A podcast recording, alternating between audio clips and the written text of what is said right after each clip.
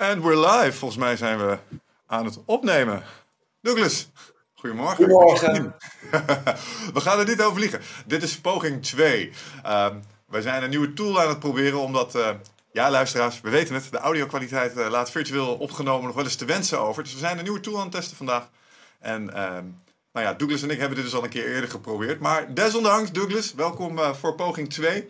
Um, wij zijn aan elkaar voorgesteld door Jelle van uh, Gymbox. En uh, de luisteraars die vaak naar ons luisteren weten dat misschien. Gymbox is een van onze grootste sponsoren, donoren geweest in een crowdfunding actie die we hebben gehad. En die zijn ook bij ons in de studio geweest. En ik sprak Jelle laatst nog een keer en die zei, weet je wat jij moet doen Mies? Jij moet eens even een keer met Douglas Schermer contact opnemen. Want die is echt met hele toffe dingen bezig in Nederland, maar ook in Duitsland. Hij is misschien wel een leuke gast voor jullie bij in de studio. Dus toen heb ik eens contact gezocht met Douglas. En ja, dat bleek inderdaad waar. Want Douglas, je bent met wat vette initiatieven bezig. En uh, ik wou jou daar gewoon eens even kort over aan de tand voelen. Um, maar zou je misschien eerst even kort kunnen voorstellen aan onze luisteraars? Dank je Michel en dank je ook Jelle van Gymbox natuurlijk om deze introductie te maken. Hartstikke blij en hartstikke leuk om op zo'n mooi media in ieder geval Highbox te mogen introduceren. Ik ben Douglas Schebbe, 39 jaar. Geboren in Amerika, opgegroeid in Engeland... Dus af en toe komen er een beetje Engelse woordjes tussen, maar uh, nu ook alweer een, paar jaar actief in de Nederlandse markt. Dus, uh... Mooi. Ja, jij bent wel een globetrotter geweest in dat opzicht. Ik, uh, in de ja, prep zag ik...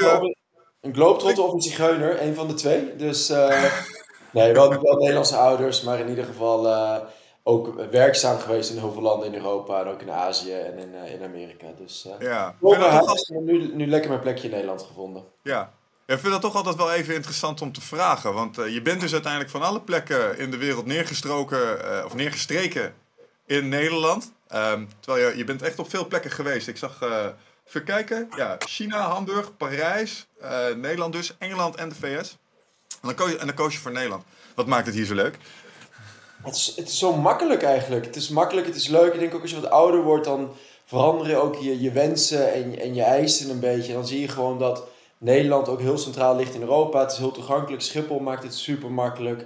Ja. Het schijnt later ook hartstikke leuk te zijn met kinderen. Je kan veel sporten. Het is, Amsterdam is ook een hartstikke leuke stad. Dus eigenlijk biedt het heel veel. En ik denk dat je, als je wat ouder wordt, zijn je, je doelstellingen of je wensen zijn ook anders. Weet je? je bent ook minder zoekende naar die continue energie en die vibe, die, die ook wel best wel verontrustend is, kan zijn in ieder geval. Dus uh, ja. ik vind het een goede compromis van alles. Ja, ja, het stelt je in staat om het avontuur op te zoeken, maar het stelt je ook uh, in staat om lekker even te nestelen en te cocoonen zo af en toe. Ja, dat snap ik wel. Weet je, alles is, alles is een uurtje weg en dat, dat maakt het zo makkelijk om toch de leuke dingen te doen die je leuk vindt om te doen. En om de rust te pakken wanneer je de rust wil pakken. Dus dat is wel een, uh, ja. mooie combinatie. Ja, wij Nederlanders onderschatten dat. Ik heb uh, familie in de VS en die vinden Nederland altijd zo schattig. In de zin van inderdaad Schiphol naar de andere kant van Nederland is anderhalf uur. Over zijn er al, weet je wel. En bij hun, dat doe je dagen over. Dus ja, dat is mooi. Hey, en, uh, nee, we kijken met ons vrienden over de, over de kracht van, van Roermond en, uh, en outlet stores. En dat dan die Chinezen inderdaad gewoon in Schiphol in de bus stappen om naar Roermond te gaan en weer terug naar Schiphol. Dat, dat is toch best wel uniek. Ja, dagtripjes. Ja, dagtripjes. mooi hey, maar Douglas, jij bent al een uh, tijd actief um, in de sportwereld. Um, wat heb jij daar al die tijd in gedaan? We hebben eigenlijk best wel vroeg begonnen. Ik denk toen ik 18, 19 was, kwam ik uh, op zo'n tweespal. Ik studeerde economie, politiek en filosofie in Engeland. Kan je al redelijk vroege leeftijd een keuze maken waar je je eerste stage gaat lopen. Nou, ga je op 19 bij grote banken, bij grote accountancybedrijven ga je solliciteren. Ga je met je moeder je eerste pak kopen. Uh, sta je paraat voor je eerste interview en denk je al heel snel ik pas echt niet in deze grijze, grijze mannencultuur. Voornamelijk in Londen mm. met grote banken, Goldman Sachs, JP Morgan.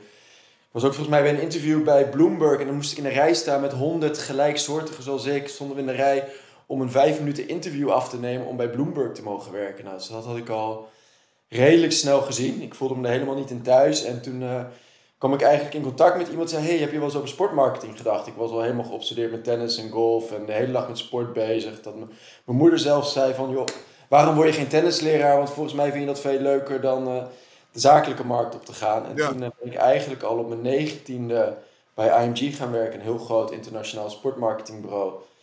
Eigenlijk al mijn stages daar gelopen tot mijn 22ste. En op mijn 22ste ben ik naar Shanghai verhuisd om... Uh, of in ieder geval de de hele bus rondom de Olympische Spelen in 2008 in, eh, in Beijing mee te maken en om ook dat avontuur aan te gaan. Ja. En sindsdien ben ik eigenlijk al bijna 20 jaar actief in de sportmarketingwereld. Wauw, ja. En in dat kader ben jij dus uh, een ander interessant ding uh, tegengekomen. want ehm, ja, toen, maar, toen Jelle het erover had, zei hij, hey gast, um, die Douglas die is iets naar Nederland aan het halen. En dat is echt, echt groot aan het worden. En wat ze aan het doen zijn, is al die moeilijke dingen die mensen bij CrossFit aan het doen zijn, die soms een beetje intimiderend overkomen, gewoon iets toegankelijker maken. Um, en dat vind ik echt heel erg interessant. Want ik ben sterk gelover in vitaliteit en daaraan werken om je hè, gemiddelde levenservaring gewoon flink uh, een boost te geven. En ik weet dat het voor een heleboel mensen echt heel prettig is um, om ergens naartoe te kunnen werken. En er zijn natuurlijk een, uh, een wildgroei aan allerlei outdoor evenementen geweest de afgelopen tijd. Um, maar jullie lijken daar toch wel een bepaalde niche te gaan vullen waarvan ik dacht, oh, dat is echt te gek. Dat is precies wat er nu mist. Kun je daar iets meer over vertellen? Nou, het is eigenlijk precies wat je zag. Want de mensen achter High Rocks, is eigenlijk in, in Duitsland opgestart, 2017 in Hamburg, door mensen die uit de marathon- en triathlonwereld kwamen. Ja. Uh, die hebben eigenlijk gekeken van, joh, wat, wat maakt marathon zo populair, wat maakt triathlon zo populair. Nou, uiteindelijk heeft marathons en triathlons natuurlijk het, het hele mooie dat het toegankelijk is voor heel veel mensen. Uh, mm-hmm. Je kan het op elite niveau uh, kan je het performen, maar ook gewoon als ambitie voor jezelf. En of je nou een marathon loopt in 4 uur of 6 uur, het is gewoon een doelstelling die je voor jezelf kan behalen. En waarom is er niet zoiets voor de fitnesswereld? Nou, toen zijn we natuurlijk gaan kijken en zag je natuurlijk aan, aan de kant waar jij het over hebt, CrossFit, wat extreem elitair is en, en best wel, wel moeilijk is. Natuurlijk wel in zijn eigen recht een fantastische sport en ja, een fantastische manier van trainen. Het is niet voor iedereen weggelegd, uh, maar, maar dat doet er eigenlijk niet toe. Maar er, er was gewoon een heel gat, wat jij terecht zegt, in die markt van al die miljoenen mensen die, die twee, drie keer per week naar de sportschool gaan en nergens eigenlijk voor te trainen hebben. Want of ja, je kan een marathon doen, of je kan een, eh, een obstacle race doen, of je moet aan crossfit gaan doen. En daartussen zit eigenlijk helemaal niks.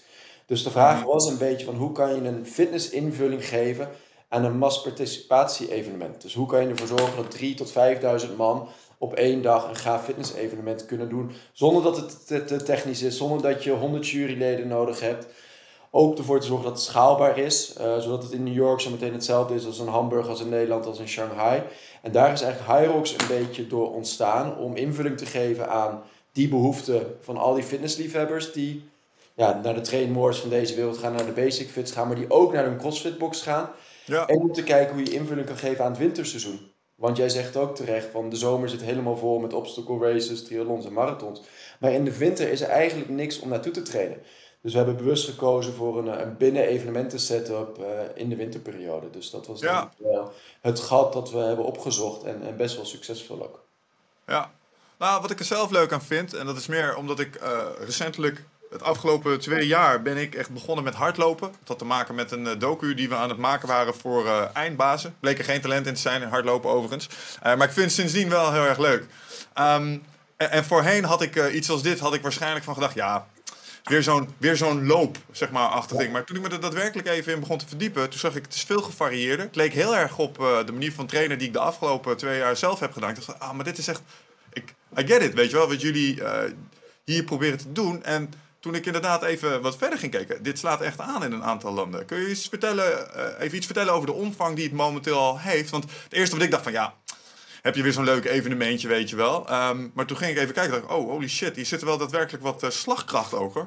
Want uh, mensen die het op de video kunnen zien, die hebben bijvoorbeeld ook wel best wel ferme sponsoren. Um, dus kun je daar nog eens iets ja, over zeggen? Ja, sowieso. Het is ook echt met, met het doel en de visie gebouwd. En misschien ook wel met de financiële middelen om hier, net zoals CrossFit of Ironman, een wereldwijd merk van te maken. Dus daar zit ja. zeker de motivatie en de visie van de mensen hierachter. Uh, ze zijn ook best wel gekoppeld aan de, de Ironman-familie. Dus dezelfde type investeerders die achter Ironman zitten, zitten ook achter Hyrox. Ze hebben ook echt wel de bewustwording dat als je groot wil worden in fitness, dan moet je Amerika veroveren. Dus, en daar heb je ook echt wel financiële middelen voor nodig. Nou, 2017 gestart, heb ik nog het eerste evenement mee mogen doen. Het testevenement november 2017. Uh, ja. Ik wil eerlijk zeggen dat ik de twee weken daarna niet echt positief heb ervaren na het evenement. ik wou net zeggen, hoe ging dat? ik moet zeggen, het ging oké. alleen op het laatste, ja, ik zal zo wel even iets meer over het evenement zetten. Maar je eindigt met 100 wallballs. En aangezien ik niet de beste flexibiliteit heb. Ik heb redelijk wat artrose in de heupen. Ja. Ik zag dat ik een, heel wat no-reps had. Dus 100 wallballs aan het einde van anderhalf uur. heeft me best wel lang geduurd om het evenement af te ronden. Dus ik heb sindsdien ook geen wallball meer gedaan, moet ik eerlijk bekennen. Met andere woorden, iedereen was al naar huis. En het enige wat daar nog gaande was, was Douglas. Die zijn wallball. met, no reps, no reps. Nee, nee. Superleuke ervaring. 2017, eerste evenement in Hamburg. Vandaar hebben ze eigenlijk Duitsland, uh, ja, eigenlijk elke stad in Duitsland bezocht. Uh, tussen 2000 en 3000 deelnemers, uh, eh, 14 keer. Dus in Essen, Hamburg, hmm. München, Hannover, eh, Berlijn, et cetera. Maar toen eigenlijk de, de stap gemaakt, de eerste buitenlandse stap naar Oostenrijk en Zwitserland natuurlijk. En toen meteen met de visie van jongens, eh, leuk en aardig, maar we moeten, we moeten snel naar Amerika. Uh, 2020 de eerste vier evenementen in Amerika gehad. Toen kwam corona, alles stilgezet, uh, een jaar lang. Nou, we mogen natuurlijk niet klagen, want, want de fitnessmarkt heeft het natuurlijk ontzettend zwaar. En, en sportscholen hebben het zwaar en wij hebben het ook wel zwaar gehad. Alleen het geeft je ook wel weer een, een jaar om te resetten en om je plannen goed uh, te, doorontwikkelen. te doorontwikkelen. En van daaruit hebben ze nu eigenlijk een agressiever sales traject ingezet om ja, high rocks uh, in ieder geval in Europa en in Amerika te versnellen. Ja. Uh, in Nederland zijn we daarin een samenwerking aangegaan met House of Sports, een bekend sportmarketingbureau, uh, die eigenlijk in Nederland de verantwoordelijkheid voor, voor op zich neemt. Maar Hyrox groeit nu in Engeland naar vier evenementen. In Nederland gaan we drie evenementen doen dit jaar. Amerika naar twaalf evenementen. Wel leuk om te zeggen dat we volgende week ons eerste evenement in Dallas hebben. Ah, mooi. Dus ja, ik zeg altijd, in Texas gaat alles wat sneller open. Dus uh, we hebben Texas en Austin, Texas hebben we, we hebben Dallas en Austin, Austin Texas volgende week en volgende maand. En daarna gaan we door naar Orlando en Chicago en New York. En het is echt wel mooi om te zien hoe die Amerikaanse fitnessgekte in ieder geval heerst. Waar mensen 140 dollar betalen om hier aan mee te mogen doen. dat zijn echt bedragen die wij in Europa absoluut niet kennen. En uh, de, de, omvang is groot. Dus we zitten dit seizoen al op uh, eh, 35 evenementen, misschien al dicht tegen de 40 aan. En eigenlijk is het, is het groeipotentieel met franchise-nemers al in Griekenland, in Portugal en Spanje, in het Midden-Oosten en Azië, kan het best snel gaan, want het evenement is heel schaalbaar. Ja, ja. Ja, ik vind dat tof om te horen. Dat er zoveel interesse is in meedoen in dit soort events. blijkbaar mondiaal. Um, Michel, je bent even off-camera. Oh, hoor je me inmiddels? Ik hoor je de hele tijd, maar je bent off-camera in ieder geval. Oké, nou, no worries there. Een van de, even een kleine side note. Een van de voordelen van deze tool is dat, ook al zie jij mij niet, uh, hij neemt hier ondertussen gewoon door op, als het goed is. En zo niet, nou ja, dan zien ze mij niet, maar jou wel. Uh, want hij lijkt gewoon verder goed door op te nemen. Dus uh, nee, no worries there. Maar wat ik, wat ik probeerde te zeggen was, ik vind het echt tof om te zien dat er zoveel interesse in is. Misschien is dat ook wel een beetje ja, ik weet niet, mede, mede door de coronacrisis? Ik denk dat de coronacrisis zeker helpt over de hele brede zin van vitaliteit en, en bewustwording rondom ja, sporten en toch op een, een, creatieve manier je sportinvulling zien te vinden. En, en, je mhm. zegt zelf ook van, oh, ik vind, ben hardlopen leuk gaan vinden. Ik denk dat heel veel mensen hardlopen leuk zijn gaan vinden. Alleen de variëteit tussen hardlopen en je functional training, ja, hoe zoek je dat op? En daar probeert Hyrox eigenlijk invulling aan te geven door ja, op, een, op een flexibele manier en op een dynamische manier invulling te geven aan functional training en hardlopen. En dat kan je echt in duizenden vormen doen. En dat, dat kan je doen door naar je crossfitbox te gaan. Maar het kan ook gewoon zijn door in het Vondelpark te gaan trainen met sprintrondjes van 400 meter. En daartussenin allemaal burpees te gaan doen en weer 400 meter en weer burpees. Tot lange workouts, korte workouts. Ja, van alles van 15 minuten tot anderhalf uur, twee uur om je klaar te stomen voor een Hyrox evenement.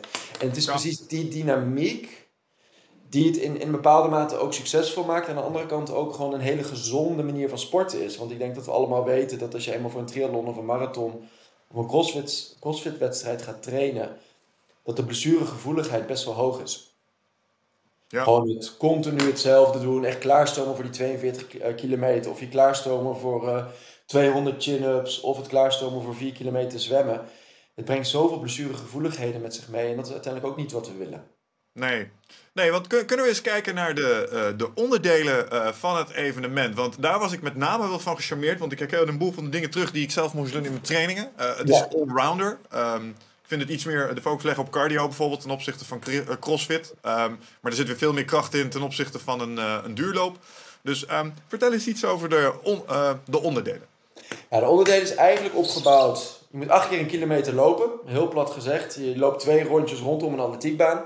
Die hebben we binnen aangelegd. Nou, twee rondjes, acht keer een kilometer, lijkt niet veel. Totdat je het gaat combineren met acht functionele oefeningen die zowel je bovenlichaam als je onderlichaam als je longen redelijk tot de max testen. Dus we hebben het echt over een hele hoge verzuringsgraad. Nou, dus begin met je eerste kilometer. Ik ben niet een hele goede loper, maar ik liep toen die eerste kilometer in vier minuten, want ik was redelijk uh, ambitieus. Ik moet zeggen, ik heb die vier minuten daarna absoluut niet meer aangestippeld in de tweede en de derde en de achte op één volgende kilometers. Je doet dus één kilometer, daarna ga je een kilometer ski-erg doen. Ik weet niet of jullie dat uh, apparaat kennen, maar het is eigenlijk het langlaufapparaat van Concept 2. Wordt steeds populairder ook in uh, crossfit boxen. Nou, ik denk na het roeien en, uh, en langlaufen is dit echt wel een apparaat dat je hele lichaam test. Want je gaat van boven naar beneden. Ja. De squats, je carbs worden allemaal aangespannen. Nou, je hartslag gaat ook redelijk hoog om, in 1000 meter. Doe je denk ik weer 4, 5 minuten over. Nou, ga je weer lekker een kilometertje lopen. Doe je lekker in je eigen tempo. Ja. Uh, de pro's doen het in uh, rond de 3 minuten en uh, gemiddeld doen mensen er 5, 6 minuten over. Ga je over naar de bekende sled push en sled pull. Ik weet niet of die zo bekend is. Wat, hoe ziet dat er precies uit? Nou, misschien kun je het beter uitleggen dan ik, maar het is eigenlijk een slee. Gewoon een metalen slee met heel veel gewichten erop. En die moet je vooruit duwen over een, over een gladde ondergrond in ieder geval, zodat het in ieder geval niet te veel tractie geeft. Nee. Maar de sled push voor de pro's is 175 kilo plus nog een sled die denk ik rond de, rond de 15, 20 kilo weegt. En de sled pull is 125 kilo waar je die sled weer naar jezelf toetrekt. Ja. Pot relatief zwaar. Uh, bij de pro's is die zeker zwaar. Bij, bij ons is die wat, wat lichter. Alleen mensen hebben natuurlijk van nature al de, de, de capaciteit om te duwen en te trekken. Is er eigenlijk Ja. wel een, een basisbeweging. Nou, ga je weer lopen. Dat Geen een van gewichtsklasse. Geen in die sled. Dus eh, of je nou 50 kilo weegt of je weegt 100 kilo, je moet hetzelfde gewicht eh Ja, dus duwen we en hebben trekken een onderscheid tussen de mannen en de vrouwen sowieso. En we hebben een onderscheid tussen de pro's en en de amateurs. En daar zit zo'n 50 kilo verschil tussen. Oké, check. Maar het is nog steeds zwaar. Dat is waar. Het is een verzuring op de benen met de sled push is gigantisch. En met de sled pull gaan je, je armen ook redelijk eraan. Want daarna moet je weer een kilometer lopen. En dan mijn favoriete onderdeel, de 80 meter burpee broad jump. Dus 80 meter aan burpees met springen ertussen. Betekent toch dat je zo'n 100 burpees doet. Eh, weer een kilometertje lopen. Kan je daarna rustig je hartslag wat verlagen met een kilometer roeien. Eh, daarna heb je de traditionele, ja, een klassieker van de strongman competities, de farmer's carry. Ik zeg altijd, als je je twee koffers naar Schiphol kan dragen, dan, dan, dan moet dit ook lukken. Farmer's carry van eh, twee dumbbells van 24 kilo in, in, in je hand of voor 32 kilo bij de pro's. Dus 200 meter lopen. En dan eh, weer de, de lekkere 1 kilometer lopen. Daarna gaan we over naar de lunges. Ja, Valt mee, denk je. Alleen je moet wel doen met een zak van eh 20, eh, 10 of 20 kilo op je rug. 100 meter aan lunges, kilometer lopen. En je eindigt met de wall balls. Eh, voor degenen die dat niet kennen, is een squat met een bal, een medicine ball, of geen medicine ball, met een gewichtsbal van 6 tot 9 kilo. Die je naar een 3 meter hoge plaat moet gooien. En dat moet je 100 keer doen. En dan eh, heb je hopelijk eh, een doel bereikt. Of een doel of een mijlpaal bereikt. Want het is ontzettend meetbaar. En of je het nou in een wereldrecord doet van 57 minuten. Of je doet het in anderhalf uur, twee uur. Het is, het is eh, precies aan jou in welk tempo je dit wil afleggen. Maar Ja. het idee was uiteindelijk, en dat is wel echt heel belangrijk. We hebben eigenlijk naar twee dingen gekeken. Eén, toegankelijkheid van de oefeningen. Nou, zoals we er nu doorheen lopen, lijkt het net of het echt niet haalbaar is. En dat het ontzettend, ontzettend zwaar is. Nou, dat is het natuurlijk ook. En dat is ook wel de bedoeling. Alleen we hebben bewust gekozen voor oefeningen die niet te technisch zijn Mhm. die, die grote spiergroepen met zich meenemen. Die echt wel je, je, je grote spier, je functionele ja, spiergroepen bijeenpakken. Eh, ze zijn allemaal haalbaar. Op één bepaalde manier is het haalbaar. Kijk, als je op een gegeven moment geen sledpull meer of geen pull-up kan doen, dan is het gewoon klaar. ja, Maar lunges kan je in je eigen tempo nog wel door eh, op een bepaalde manier. Dus 98% van de mensen die hebben deelgenomen, dat zijn er nu zo'n 30.000, hebben de finish ook daadwerkelijk gehaald. ja, Dat is wel echt voor ons een hele belangrijke graadmeter. En ja. als je het dan het, hebt over het evenement neerzetten, dan kijken we natuurlijk ook ontzettend naar, want het moet schaalbaar zijn, het moet makkelijk uit te voeren zijn. Dus we hebben ook gekeken naar andere type oefeningen, zo van een, een grote band die je moet optillen en, en omdraaien. Maar als je dat 3000 man moet laten doen en je moet 60 van die banden naast elkaar neerleggen, dan, dan heb je zes voetbalvelden nodig. ja. Dus je moet ook heel erg kijken naar, naar wat logistiek makkelijk uit te voeren is. En ik weet niet hoe bekend je bent met CrossFit, maar in CrossFit moet alles gejureerd worden. Elke Mhm. rep moet gejureerd worden. Allemaal heel erg naar techniek gekeken. En we hebben dus echt wel naar oefeningen gekeken die makkelijk te jureren zijn. Ja, snap ik. Snap ik. Nou, en wat ik, er, wat ik er goed aan vind, is dat de dingen die je met gewicht doet, uh, of tenminste met, met uh, elk gewicht ja. boven je hoofd is in principe gevaarlijk gewicht. Ja. Uh, mij wordt geleerd, maar um, de echte zware gewichten staan op een sled. En een van de fijne dingen weet ik van een sled is, dat is een van de minst blessuregevoelige machines, want zodra je stopt, stopt alles. Dat is helemaal gekoppeld aan jouw effort op dat moment. Dus als je stopt met trekken, dat ding dat glijdt niet door hoor. Of als je stopt met duwen, het valt meteen stil. Dus uh, ja, nee, I get it. Ja, dat is wel mooi, want we hadden uh, gisteren een gesprek met Elko van de Geest, de, de judoka, met een hele mooie sportschool in, in, Haarlem.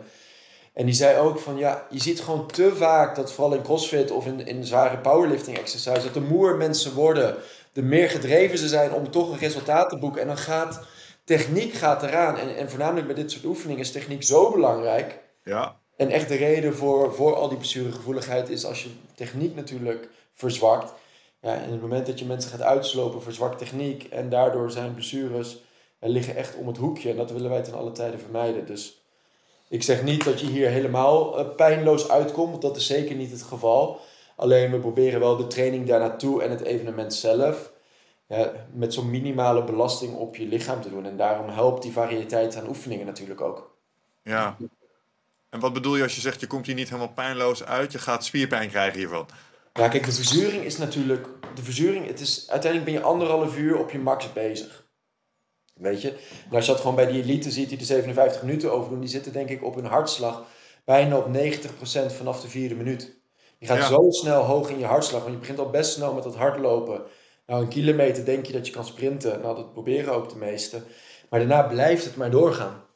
Ja. En, uh, en dat zie je bij, bij crossfit of bij andere sporten. Bij duurlopen blijft je hartslag toch geleidelijk meer rond, uh, rond de 60 of 70 procent hangen. En hier zit je toch al snel hoog. Dus de verzuring is, uh, is eindeloos. Ben je een hardloper? In de zin van zeg zone 4, zone 5 jou iets?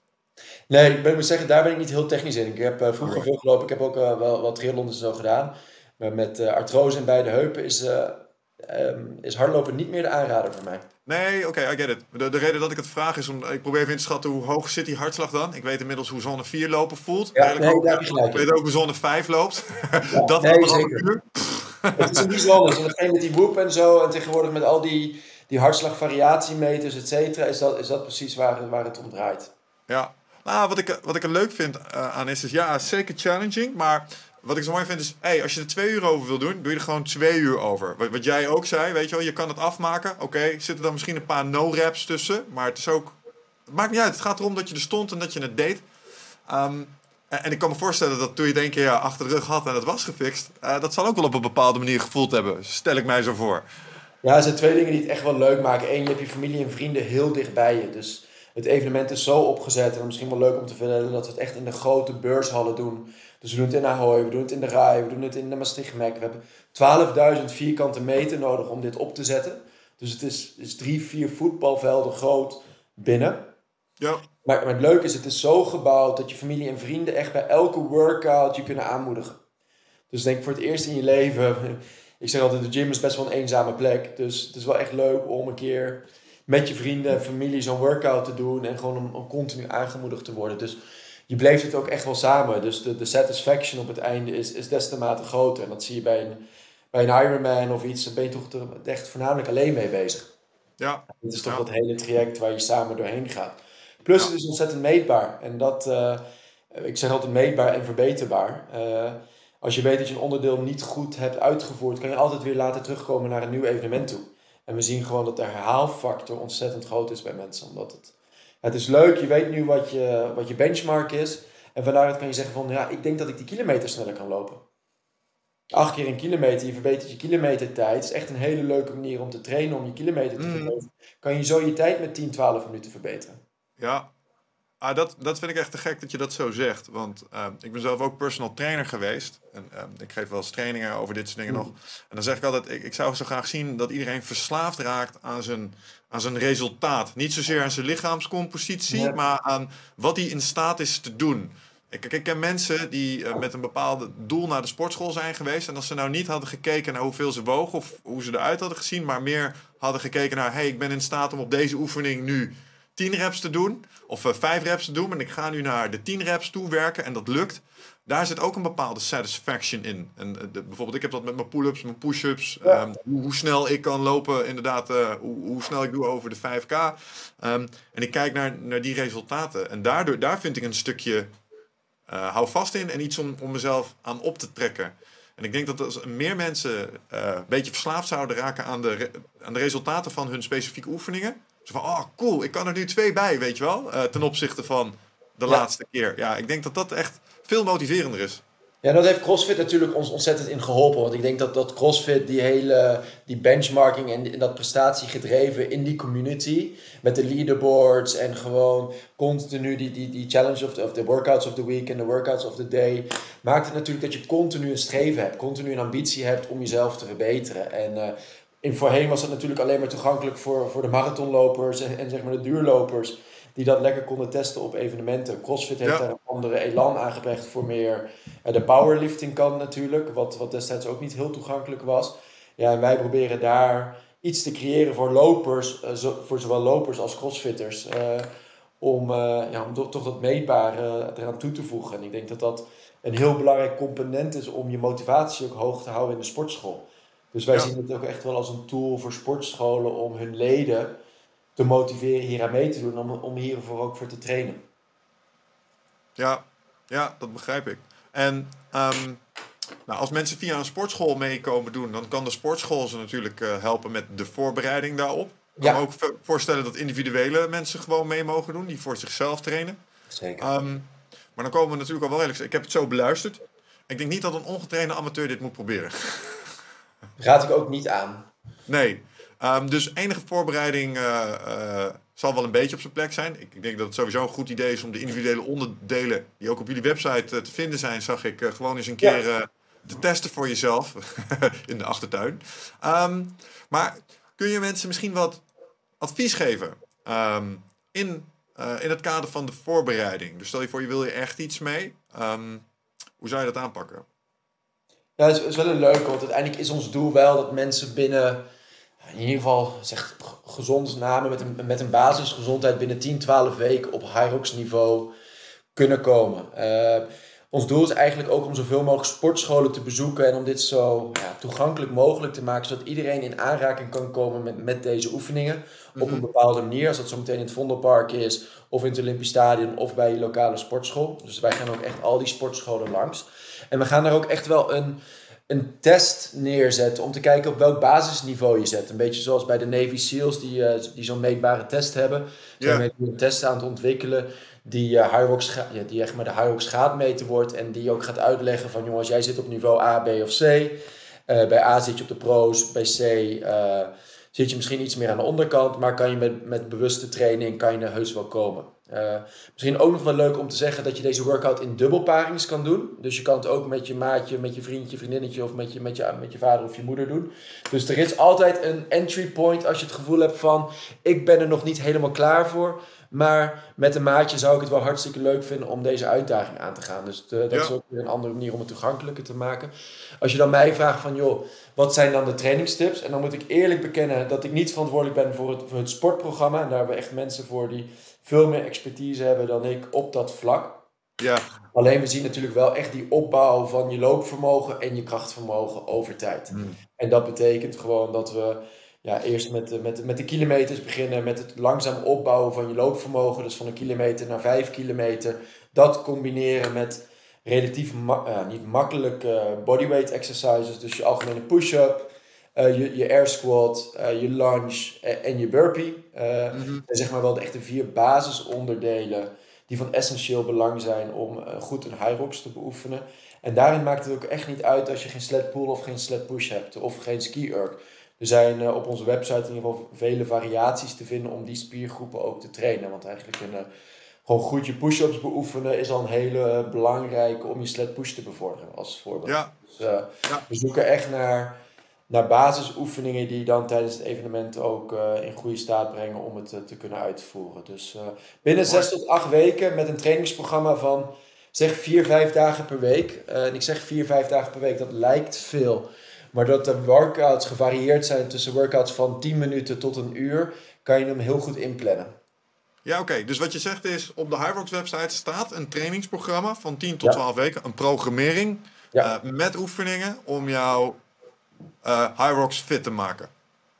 Waar je geen materialen voor nodig hebt. En dat is denk ik wel echt Ja, heel dat belangrijk. dat is Dat echt wij, en dat Ja. hebben we ook natuurlijk met, ehm, met corona hebben meegemaakt. En, eh, en CrossFit is daar natuurlijk een, eh, een, een hele mooi voorbeeld in met de virtual workouts. We hebben nu virtual workout competities gedaan. op bodyweight, waar 3.500 mensen aan meedoen. Ja, dan is het wel echt fantastisch om te zien wat mensen kunnen op, eh, op een zolderkamertje van, eh, van 3 bij 3. Ja, alles is mogelijk. Dus er zou eigenlijk geen eh, verhindering moeten zijn om te blijven trainen. Of dat nou voor Hyrox is of, of voor een ander evenement. Ik denk dat er geen excuus is om niet te trainen. Ja, nee, maar dat, dat helpt echt. Ik heb een keer van voormalig podcastgast hier, Noël Brandt. Die heeft een Ja. heel mooi schema voor mensen die zich aan het voorbereiden zijn op Defensie. Er zit echt heel veel overlap in met wat, wat jullie doen, zeg maar. En zijn ding was ook, eh, hij noemde dat DTS Minimal. Ik weet niet hoe het tegenwoordig heet, maar... ehm, het enige wat je echt nodig had was een kettlebell, weet je wel? Eh, en voor de rest zo min mogelijk materialen. En dat, dat stelde mij ook in staat om, waar ik ook was, eh, gewoon even mijn training te doen, weet je wel? Ik had de sportschool ineens niet meer nodig. Het kon ineens ook in de gang. Of als het lekker weer was, buiten. Maar dat heeft echt mijn ja, regelmaat van trainen echt heel sterk bevorderd. Dus door die randvoorwaarden er vanaf te halen. Ik kan me ook voorstellen dat er daarom misschien geen pull-ups in zitten. Want dat is toch vaak wel, hè? Pull-up bars. Niet iedereen heeft zoiets beschikbaar.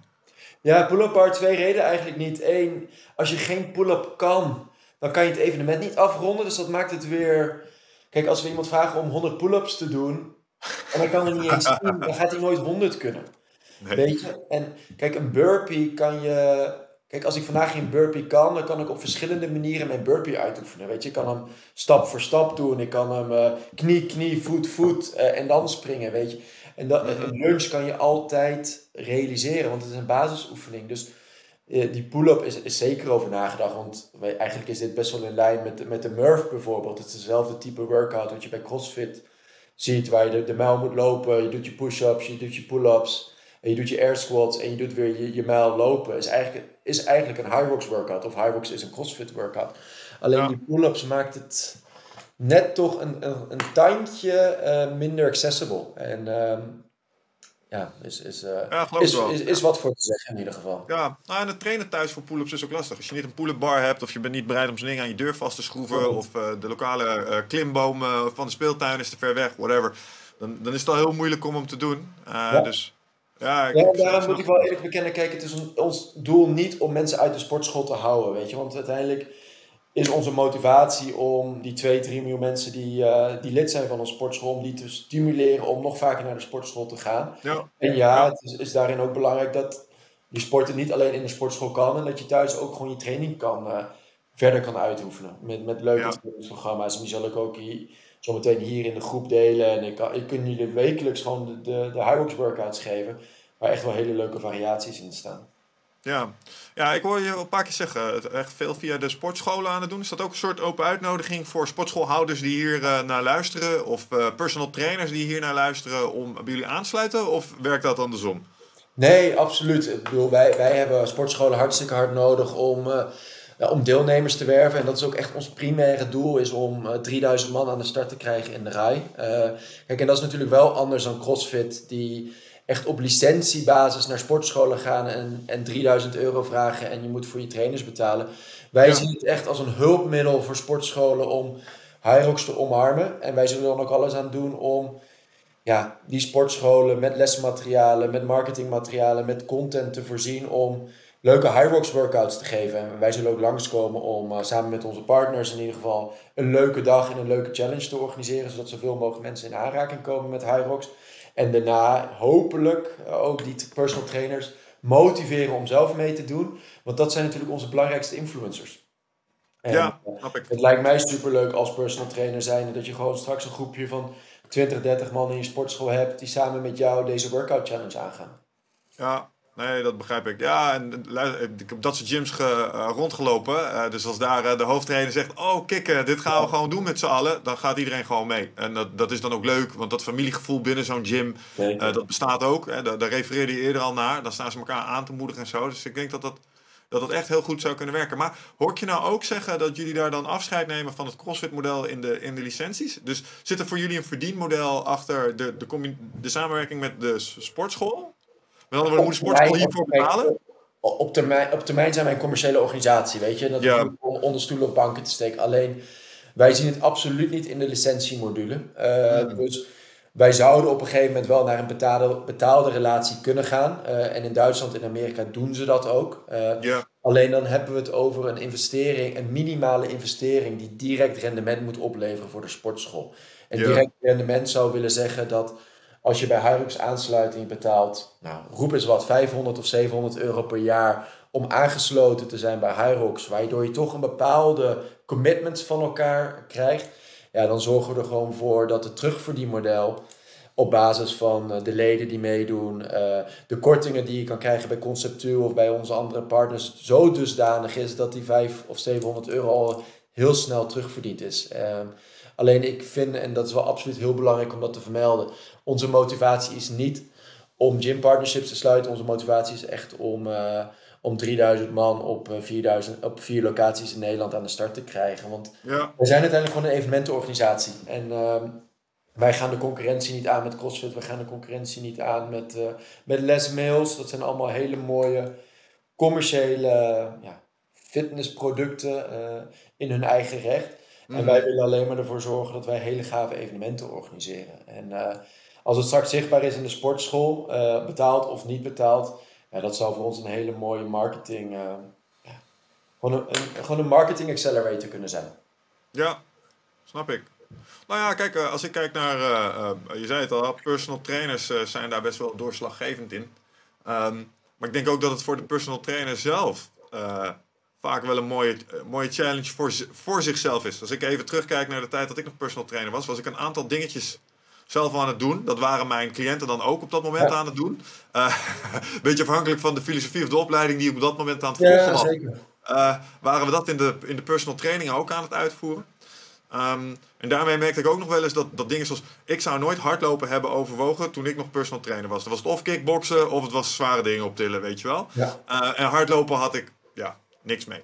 Maar als zoiets nu uh, op mijn pad zou zijn gekomen... dan had ik eigenlijk noodgedwongen zelf ook even aan dat hardlopen moeten beginnen. Dan had ik misschien eerder de voordelen ervan opgepikt.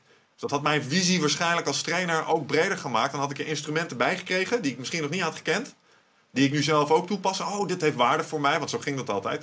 Uh, oh, dit, dit werkt voor mij, dus dan zal het ook wel voor mijn cliënten werken. Maar Michel, uh, wat zijn de voordelen voor jou van, eh, van het hardlopen nu, dat je dat geïntegreerd hebt in je training meer? Wat, wat zijn de voordelen die jij gezien hebt en wat zijn de afstanden die je loopt? Nou, ik ben absoluut geen begenadigd hardloper. Uh, het maximaal aantal wat ik heb gelopen was uh, 17,5 kilometer. Ja. Um, en um, ja, ik ben 2 meter 100 kilo. Dus uh, ik worstel met mijn kilometertijd. Toen ik jou hoorde zeggen, uh, vier minuten over een kilometer. Toen dacht ik, holy shit, kom ik aan uh, met mijn 5,30 als ik een goede dag heb. Um, maar wat het me brengt. Nou, ik, ik vind hardlopen veel leuker als ik had gedacht. Ik had er altijd een, een soort weerstand op. Van, oh, dat is vervelend. Dat is ongemakkelijk. En dat is het misschien ook wel in het begin als je het verkeerd aanpakt. Maar wat heel fijn was, is ik heb een trainingsprogrammering gehad van Noël Brandt. En uh, wat hij heel goed deed, was in het hardloopschema, uh, deed hij allemaal keurig op zones. Uh, en toen was het ineens prima te doen. En toen zag ik mezelf ineens voortgang maken. En ik denk dat ik dat misschien nog wel het allerleukste vind aan hardlopen. Het is op allerlei manieren echt heel goed te meten. Dus de voortgang die je boekt, zie je gewoon. Kijk, ik, eerst vond ik een kilometer moeilijk. Toen zag ik mezelf ineens vijf kilometer lopen. dacht ik, oh, dit werkt gewoon. Ik weet nog heel goed dat ik de eerste keer 10 kilometer liep. Dat ik dacht, dit had ik echt nooit gedacht. En het, gaat gewoon, gaat, het, het lukt gewoon. Dus um, wat ik vooral heel leuk vond aan hardlopen was dat ik uh, voor mezelf echt progressie zag. Wat ik het tegelijkertijd minder leuk aan vond, is dat in de tools waar ik de progressie zag, zoals Strava. Ik weet niet, ken Strava? Jazeker, zeker. Oké, dan ken je die segmenten toch? Binnen ja. Strava. Ja, oké. Dus dan zit je lekker te kijken naar je loopje en dan zie je, oh, andere mensen lopen hier ook. En dan uh, kun je zien hoe, zij, hoe lang zij doen over sommige stukjes. Bijvoorbeeld in Deventer heb je de Deventerbrug. En dan kun je zien, ah, je hebt daar uh, over dat stukje, heb jij uh, vier minuten gedaan. Ja. En dan kijk je naar degene die daar het snelst heeft gelopen, 1 minuut 20. Hoe dan? Zat je op een brommer of zo, weet je wel? dus het houdt je tegelijkertijd ook super bescheiden. En dat, misschien is dat ook wel heel goed, want er ligt altijd ruimte voor verbetering. En ik vind het stukken meditatiever als ik had gedacht. Dus, Zonder ehm, muziek of met muziek? Um, ja, ik mocht eigenlijk niet met muziek lopen, maar ik doe het wel eens met muziek, moet ik er eerlijk bij bekennen. Um, dus uh, ik wissel het af, maar, maar vaak met muziek. Ja, maar het is wel leuk, want ik vind dat, kijk, dat hardlopen is eigenlijk een bepaalde manier onderschat. Want natuurlijk, heel veel mensen lopen uh, zonder begeleiding natuurlijk en het is heel toegankelijk daarin. Maar de variëteit die je kan, heb, kan hebben in je looptraining, en daarom is het nu ook zo leuk dat wij met heel veel atletiekverenigingen aan het praten zijn, die echt denken, oh, Hyrox, dat is echt gaaf, want wij doen dat eigenlijk al, weet je. Want uiteindelijk is spieropbouw voor hardlopers ook ontzettend belangrijk. Ik zet natuurlijk iets minder uh, bovenkracht of borstkracht of armkracht. Maar uiteindelijk de combinatie van, uh, van het trainen uh, maakt het voor hardlopers zometeen ook veel leuker. En ik denk dat veel recreante hardlopers alleen maar kijken naar afstand in plaats van naar variatie of naar intervaltraining mm. of naar ja, die shuttle runs of de combinatie van 80 meter sprints tot en met kilometers. En dat maakt het uiteindelijk zo leuk als je iets meer te leren komt over hardlopen en hoe je dat kan integreren in je dagelijkse training. Je hoeft niet elke dag 20 kilometer te lopen, weet je. En, uh, nee. Wij zijn zelf nog op zoek echt naar wat, wat maakt een Hyrox atleet. Um, als je nu ziet naar de wereldkampioen, dat is Hunter McIntyre. is wel leuk om uh, die op Instagram te volgen. Het is echt een maloot. Uh, als ik het zo eh, netjes mag zeggen. Hij ziet er een beetje uit als MacGyver met een, een mallet tot hier. Ja. Hij, hij, woont ergens in de bergen in, eh, in, in Colorado of in California. En hij is elke dag bezig. Hij heeft ook met de World Games meegedaan. Hij is net zoals jij, denk ik, 95 kilo en uh, bijna 2 meter. Ja, nou. ja, ik weet het. Dat ontslaat volledig dat excuus. Want ik heb dat opgeschreven hier. 10k in 32 minuten. En, en, en, Zo lang doe ik soms over mijn 5 kilometer. ja, maar hij is daarin wel exceptioneel. En ik denk dat er weinig uh, zo geboren zijn zo, zoals hij om op, op dat gewicht die snelheid te kunnen lopen. Uh, Oké, gelukkig.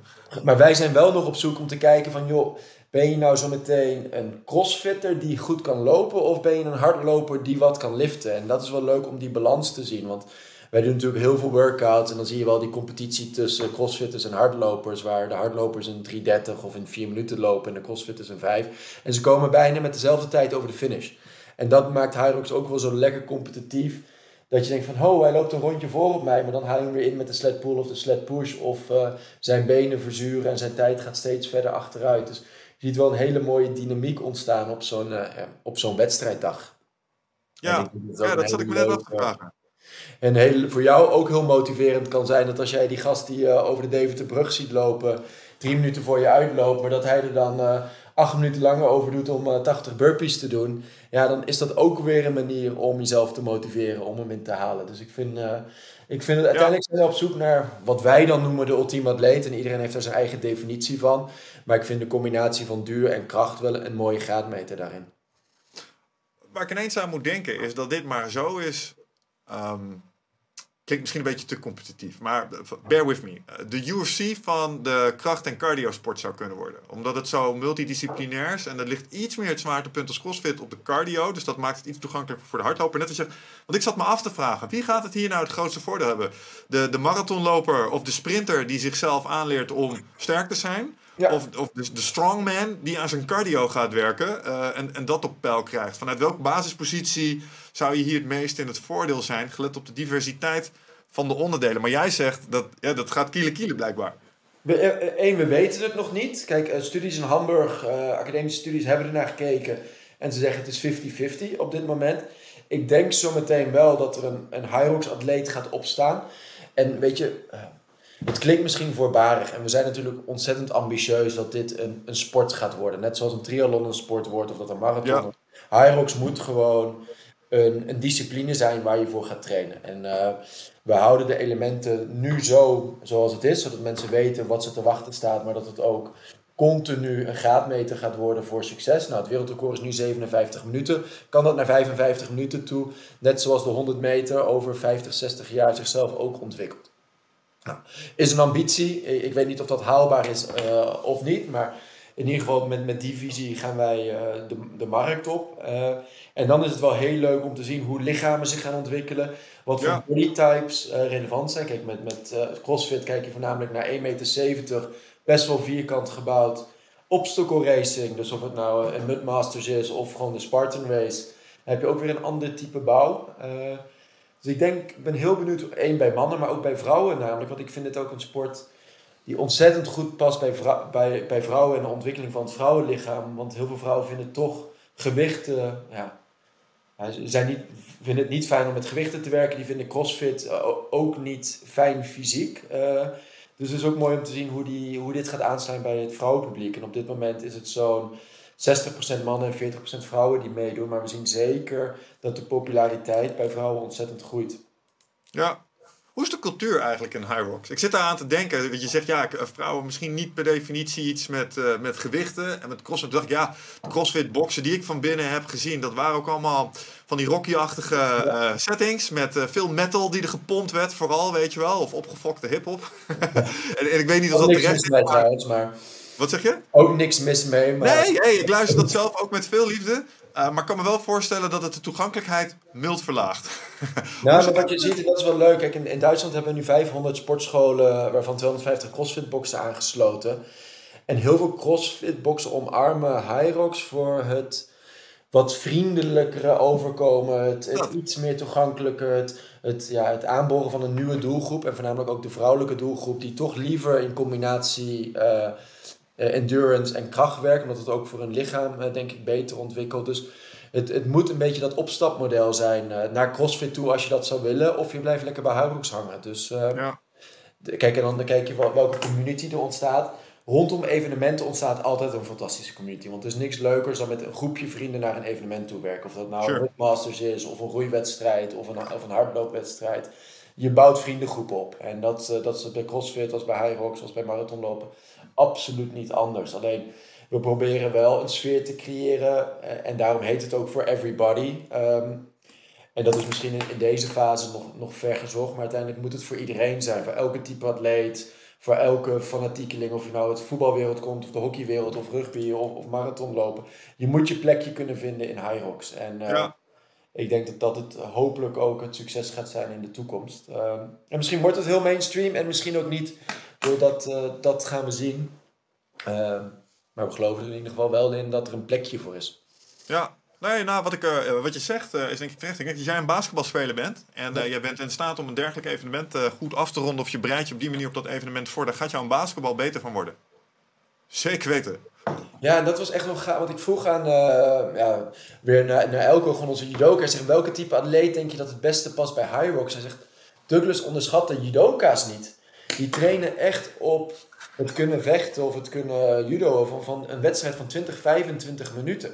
Mm en de verzuring die zij gaan opzoeken en, en de, de, de shuttle runs, maar ook de, de hill climbs die zij doen.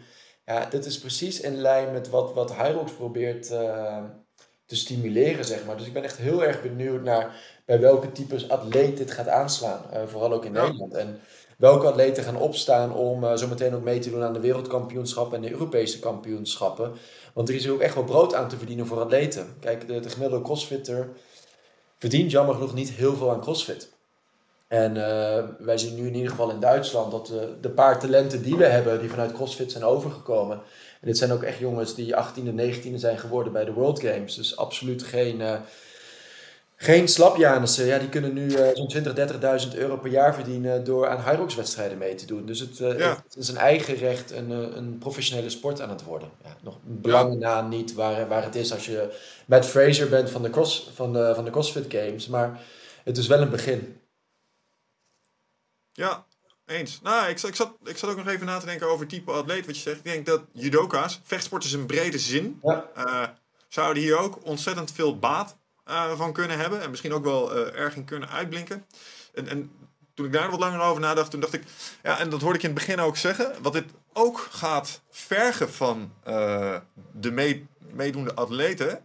is dat ze voor sommige oefeningen je hebt het gehad over kracht, je hebt het gehad over cardio. En iets wat ik ook pas de laatste twee jaar echt heb leren waarderen voor zijn waarde, is het werken aan de mobiliteit. Je gaf het dus straks uh, ja, een aandachtspuntje misschien. Bij mij, ja, bij mij ook. ik ben pas een jaar echt fanatiek met yoga aan de slag. En ik merk het effect op trainingsresultaat daarvan. Yoga verbeterde mijn hardlopen. Weet je wel? En dat is niet iets wat heel logisch klonk voor mij een paar jaar geleden. Um, maar ik denk dat als je in deze dingen wil gaan uitblinken, dat bijvoorbeeld iemand die alleen maar heeft hard gelopen, ja, ik weet niet, misschien is, er, uh, is het een onterecht voordeel, maar ik denk dat die dan misschien nog wel iets aan zijn mobiliteit zou moeten gaan doen om sommige dingen goed op te kunnen gaan pakken. ik denk dat het heel gunstig is. Hoe kijk jij daar tegenaan? Ja, uh, één, ik ben hier echt het, uh, de, de, het voorbeeld van niet-mobiliteit met mijn heupen, et cetera. En ik moet zeggen, ik heb al tien jaar lang geïnvesteerd in mobiliteitstrainers en, en uh, de Pilates-trainers en de reformers. En echt alleen maar met dit bezig geweest. En je ziet gewoon hoe moeilijk het is om je moet echt in dat ritme komen. Je moet in dat ritme komen. En ik kijk nu naar de, echte, de ultieme atleten. Dan noem ik de Novak Djokovic als voorbeeld. Als je gewoon ziet wat hij zes uur lang op een tennisbaan doet op 40 graden. En als je ziet dat hij twee uur, drie uur per dag aan yoga doet. Dan weet je als geen ander dat de enige manier naar de top is door een flexibel sterk lichaam te hebben. Of een mobiel sterk lichaam. En dat betekent gewoon dat je eigenlijk lean en mean moet zijn. Uh, leaner en meaner uh, moet worden. En, en natuurlijk komt CrossFit ook al echt heel dicht daarbij vanuit de gymnastics, uh, de gymnastiek kant. Maar ik, ik denk dat wij al op uh, schoolniveau te weinig kijken naar mobiliteit en flexibiliteit. En ik denk dat we dat vanaf een vele jongere leeftijd moeten integreren in, in, uh, ja, gewoon in het basisonderwijs om latere, om latere blessures en mobiliteitsissues te voorkomen. Want ik denk dat we allemaal hetzelfde probleem zitten. Ik ben nu bijna 40 en ik heb al 20 jaar op een stoel gezeten. Ja, het is niet best. Dat en, is het. Ja. En ik vind het best wel moeilijk voor mezelf in ieder geval om de discipline te vinden om elke ochtend een uur op een matje te staan. Eén omdat ik gewoon rete inflexibel ben, dus het is heel moeilijk om progressie te boeken. Voor mezelf in ieder geval, tenzij ik daar echt... Uh, ja, ik heb toen drie maanden Bikram yoga gedaan en toen voelde ik progressie. Toen had ik ook een stok achter de deur om zo'n 100 dagen challenge te doen. Alleen ik ben het ook wel weer heel snel weer kwijtgeraakt. Dus ik vind het, ik vind het best wel moeilijk om me daaraan te committeren. Maar het is absoluut een essentieel onderdeel.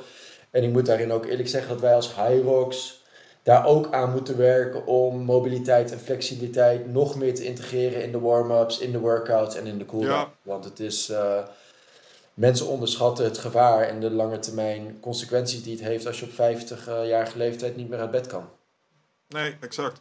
Nou, ik, uh, ik, het was voor mij ook altijd een, uh, een onderschatte variabele in mijn training hoor. Het was pas toen het uh, door een externe partij in mijn programmering werd gepropt. Zo van dat ga je vanaf nu gewoon elke, elke workout ervoor en daarna doen. Ja, goed. pas toen begon ik de voordelen te merken. Want ik dacht ook altijd, ja. weet je, en ik weet niet waarom dat stigma voor mij zo aankleefde. dat, dat, dat yoga weak was of zo. nu ik het doe, kom ik erachter hoe fucking moeilijk het is. Weet je wel. Um, dus, Hij geeft ook heel veel voldoening. Onafhankelijk van het spirituele, maar het fysieke, zeg maar, is uh, ja, ontzettend gaaf. Alleen wij zien zelf vaak dat we toch te veel druk op de spieren zetten, te gespannen in houdingen zitten, waardoor je echt wel begeleid moet worden om op dat niveau te komen waar je ook wel rendement uit je, uit je stretchen kan krijgen. Ja, ja. Stel ik maar hoe vaak stretch jij nu dan? Je stretch elke dag of? Ja, ik probeer elke dag ongeveer 10 minuutjes toch wel yoga te doen. Ik heb een YouTube-channel dat ik volg, Sarah McBeth. En uh, Sarah die heeft 5000 video's. Uh, en dat maakt niet uit wat je hebt die dag. Als jij uh, opzoekt Sarah McBeth sore neck, dan krijg jij of een van 20, of een van 15, of een van 10 minuutjes. En die probeer ik dan te doen. zij heeft een aantal van die yoga-flows, die komen vaker terug. Nou, die doe ik nu eigenlijk voor of el, na elke workout. doe ik die. En die duren tussen de 10 en de 15 minuutjes. Dus een uur per dag of twee uur per dag Nee, tenzij de workout van de dag yoga is. Soms dan denk ik, hm, ik ga vandaag even alleen strekken. Uh, dan kan ik wel iets langer de yoga pakken. Maar het is wel altijd voor of na mijn, uh, mijn standaard uh, workouts. Ja, en ik denk gewoon dat de associatie met yoga, en uh, niet om een vooroordelen te gaan spreken, maar is natuurlijk vaak dat, dat meer dat spirituele en dat, dat zweverige. En, en dat is natuurlijk ook een heel belangrijk component. Alleen als je gewoon in relatie tot trainen blijft, gewoon het, de mobiliteits- en flexibiliteitskwestie gewoon van uitermate groot belang. En uh, ik mm. vind dat dat spirituele is dan een mooie bijkomstigheid als je daar interesse voor hebt. Ja, nou, wat yoga me wel uh, heeft gegeven, um, even inderdaad het spirituele, um, komt vaak ook omdat het, uh, het werkt een beetje met ademhaling. Ja. Um, en dat is wel een factor die ik door yoga nog beter ben gaan beheersen, is ademhaling. Um, de neus-mondademhaling bijvoorbeeld. We hebben een podcast opgenomen met uh, Patrick McCowan. Ja. Uh, Butuyoku is uh, zijn ademhalingstechniek. En hij vertelde ook dat atleten die op de juiste manier door de neus leren ademen, betere resultaten halen. Dus dat is een soort extra versnelling, als ik even heel kort door de bocht ga doen. Je ziet het echt op, bij golfers en bij tennissers op het moment van impact. Dat het uithalen in synchroon met impact geeft, en je ziet het bij Roger, je ziet het bij Tiger Woods en al die gasten die kunnen uitblazen op het moment van impact. En dat maakt zo'n ja, verschil in je snelheid, in, in de kracht, in, in de doorzettings... Uh, of in de in, in de vitesse van de bal, zeg maar, dat het echt wel heel uniek is. En ik doe juist het tegenovergestelde. Ik, ik trek juist mijn adem in eh, op het moment dat ik explosief moet zijn. En dat is weer heel counterproductief. dus het is wel... Ja, ik weet niet of het van nature aangeboren is of dat je dat nog kan afleren over tijd. Blijkbaar kan je het afleren, zo aan jou. Uitbazen op het moment van impact bedoel je? Ja, dus dat je echt een tennisbal raakt en op het moment van, van, van contact, dat dat ook meteen je uitademing is. Uh, want dat is je lichaam het meest ontspannen, kan niet het meeste momentum krijgen en krijg je daardoor de meeste acceleratie. En oh, terwijl als je inkropt of je adem inhoudt, natuurlijk veel, uh, veel minder mobiel bent. Ja, heb je wel eens gehoord van uh, de Kiai? Nee, alles. Nou, als je karate, ik heb uh, uh, een tijdje karate gedaan ook. En daar leren ze je op de laatste stoot, moet je een kiai geven. Gewoon een keiharde schreeuw, weet je wel. Um, en dat is omdat al je lucht eruit komt. Kickboxers, die als ze stoten, hoor, die zijn de hele tijd aan het blazen, aan het puffen in hun stoten. En als je dat niet doet, dus je gaat, dan verzuur je echt als een malle. Mhm. En het is inderdaad, op, precies op het moment van impact wil je dus uitblazen. Of door neus of door mond. Ja. En wat, wat yoga in dat opzicht dus... Um, mij ook beter leren was met het nasalen aan de kok beter. Uh, iedereen zit heel hoog in zijn borst. Dat vertelde die Patrick McCowan ook. Ja. Het zit veel te hoog in zijn, zijn borst te ademen. En je moet eigenlijk je zwevende ribben moet je naar buiten duwen. En wat die yoga oefeningen mij leren is dat ik kan in stretches ademen. Maar dat werkt alleen als ik diep naar mijn buik adem. Dus als ik een, een spanning in mijn heup voel, dan zeggen ze: Oké, adem in die spanning. Maar dat werkt alleen als ik hem helemaal, helemaal mijn diafragma naar beneden trek. Dus mijn ademhalingstechniek is door dat yoga ook En dat merk ik dan bijvoorbeeld weer in de cardio. Ja, dat is wel grappig om te zien. Ik had dan na Bikram Yoga drie maanden lang hoe mijn longcapaciteit echt significant en niet, niet doorgemeten, maar in ieder geval wel gevoelsmatig was echt op een niveau waar ik toen uh, wel echt u tegen zei. En dat, uh, ja, het heeft gewoon een impact, omdat de stress op je lichaam natuurlijk uh, verlicht. En, en, dat zie je natuurlijk wel ontzettend nu in die transities, voornamelijk met, met de whoops van deze wereld en de ora's van deze wereld, de ring zeg maar, die continu kijken naar de strain op je lichaam. Dus hoeveel energie heb je nodig om je dag door te komen en hoeveel energie laat je weer op tijdens je slaap. En dat heeft niet alleen maar te maken natuurlijk met je, met je basishartslag, maar ook met de variatie van je hartslag en, en hoe die mm. doorstroomt, et cetera. Dus strain, uh, daar weet ik even het Nederlandse woord niet voor is zo'n belangrijk meetpunt tegenwoordig om te zien hoe je, hoe je wakker wordt, hoe je je voelt en hoe je jezelf kan belasten op de dag zelf. En dat heeft allemaal te maken met ja, je recovery rates ook en hoe je zelf door ademhaling, door dingen ontspanning kan opzoeken, waardoor je eigenlijk minder strain hebt, waardoor je eigenlijk optimaler kan trainen. En uh, dat, ik moet wel zeggen dat die bewustwording en, en het gebruik van uh, software tools zoals deze, ik bedoel, dit is gewoon letterlijk een, een maandelijks lidmaatschap en creëert wel die bewustwording dat sommige dagen misschien niet zo goed zijn om te trainen, omdat je, je strain niet hersteld is. Ja, wat, uh, wat voor een Want ik wou je er echt oprecht naar vragen. Ik zeg, want ik denk al, jij meet vast je HRV. Heb ik ook een tijd gedaan. Ik was even benieuwd naar wat je om de pols hebt. Um, dat is, als, dat is dus het is eigenlijk een... Uh, samen met de Whoop en de Aura. De Aura is de ring die ook heel veel mensen ziet dragen. Whoop is nu... Uh, gewaardeerd. Het bestaat in twee jaar, nou drie jaar misschien. Uh, eigenlijk komt vanuit de golfwereld. Ook uh, Tiger Woods is volgens mij een van de investeerders daarvan. Alle golfers dragen hem. Uh, alleen het bedrijf is nu al meer dan, dan 1 miljard waard. En um, ja. ze verkopen zo'n 40.000 boeps per maand. En het meet eigenlijk de kont, het meet je hartslag continu. En het meet je HRV als je slaapt natuurlijk. Alleen zij zeggen, dan kan ik daar niet academisch over spreken, dat zij het meest nauwkeurige zijn in de HRV-metingen. Ehm, en zij rekenen eigenlijk door um, wat jouw strain en wat, jouw, ja, wat jij die dag eigenlijk mag uitvoeren qua energieverbruik. Ja, ja. Ik heb uh, daar een tijd lang een uh, tool voor gebruikt op mijn uh, smartphone. Weltori. Okay, en, die, die meet inderdaad je HRV en die geeft je allerlei slimme adviezen over wanneer je wel of niet ja. moet gaan trainen. En wat het volgens mij echt doet, is jou vertellen of je in je moet ik even kijken, ik moet deze term niet parasympathisch of sympathisch zenuwstelsel aanstaat. Of ben je aan het herstellen of uh, sta je in de stressmodus? Ja. En als je in de stressmodus staat, misschien even wat dingen doen om eruit te komen voordat je weer gaat trainen. Want anders overstrain je inderdaad. Ja, klopt.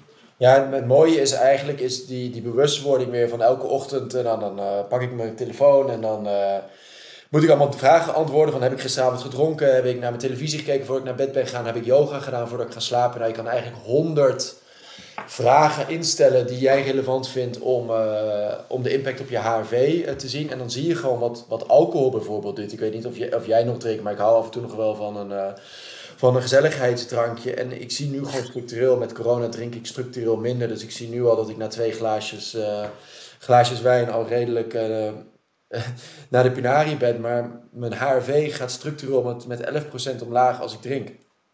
Uh, En mijn basishartslag gaat met 6 punten omhoog als ik meer dan drie glazen op heb. Dus je ziet dan echt letterlijk wat voor impact het heeft op je, je slaapkwaliteit en op je hersteldingen. Uh, en dan moet je niet alles natuurlijk helemaal tot op de millimeter doormeten en er elke dag mee bezig zijn. Alleen je gaat wel patronen zien over tijd. En je ziet gewoon dat je consequent te weinig slaapt. Weet je, ik ga om 9 uur naar bed, ik sta om 5 uur op, maar je slaapt niet, uh, je slaapt niet 8 uur. Weet je, de, de slaapinefficiënties zijn best hoog. Dus als je gemiddeld 6,5 uur, 6 uur per, per dag pakt, is al best veel. Uh, maar mensen mm denken dat ze veel meer slapen dan ze denken. Dus die bewustwording met zo'n apparaatje of met een, met een app naast je bed, ik denk dat het wel heel belangrijk is om. Uh, ja, voor iedereen. En het is, uh, mensen vinden het stom om alles door te meten, maar het gaat uiteindelijk niet om het meten. Het gaat gewoon om dat je er bewust mee bezig bent dat dingen een impact hebben. En alcohol heeft een impact. Naar je telefoon kijken voordat je geslapen heeft een impact. Uh, ja, zo zie je maar. Ja, nou, ik vind het echt gek dat je dat zegt. Want um, als je me tien jaar geleden had gevraagd: hey, je wil je, je fitter en vitaler voelen, waar moet je aan beginnen? Dan was het waarschijnlijk geweest uh, training, voeding, slaap. Ja. Als je me nu zou vragen, zou ik zeggen: zorg dat je acht uur slaapt. En dan gaan die andere dingen ineens ook een stuk makkelijker. Omdat een boel mensen voelen zich op een bepaalde manier nu. En dat is hun baseline. Ja. Uh, en dat is op zes uur, zes en een half. En ze, en ze zijn vergeten hoe het voelt om die acht uur te hebben. En dat was echt een eye-opener voor mij. Want uh, dit uh, klokje geeft mij ook mijn slaap weer. Ik ja. kan mooi zien. Ik zie hoeveel uur ik gemiddeld per week slaap. Um, en Um, ik merk het verschil. Als ik me 8, 8,5 uur of uh, 7,5 uur heb gepakt versus 6.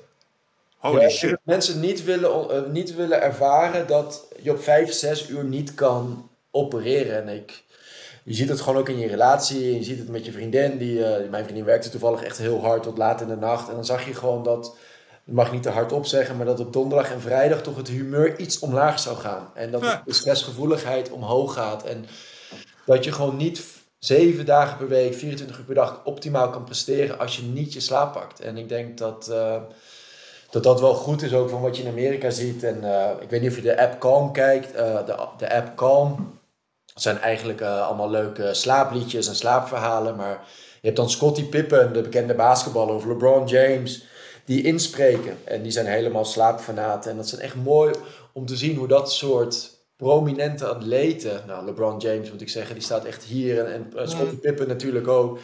Nou, als die je gaat vertellen hoe belangrijk slaap voor hun is geweest, dan ga je ook wel luisteren. En die vertellen dan hele mooie basketbalverhalen over de jaren 50. En dan, dan, dan uh, doezel je lekker af. Maar ik vind het wel leuk dat die bewustwording ontstaat bij iedereen. En uh, dat er ook heel veel tools ontstaan. En Calm is daar ook een heel mooi voorbeeld van. Van gewoon zo'n zo'n app die je in ieder geval de bewustwording geeft dat je een uur voordat je gaat slapen, dat je gewoon uh, uitstaat.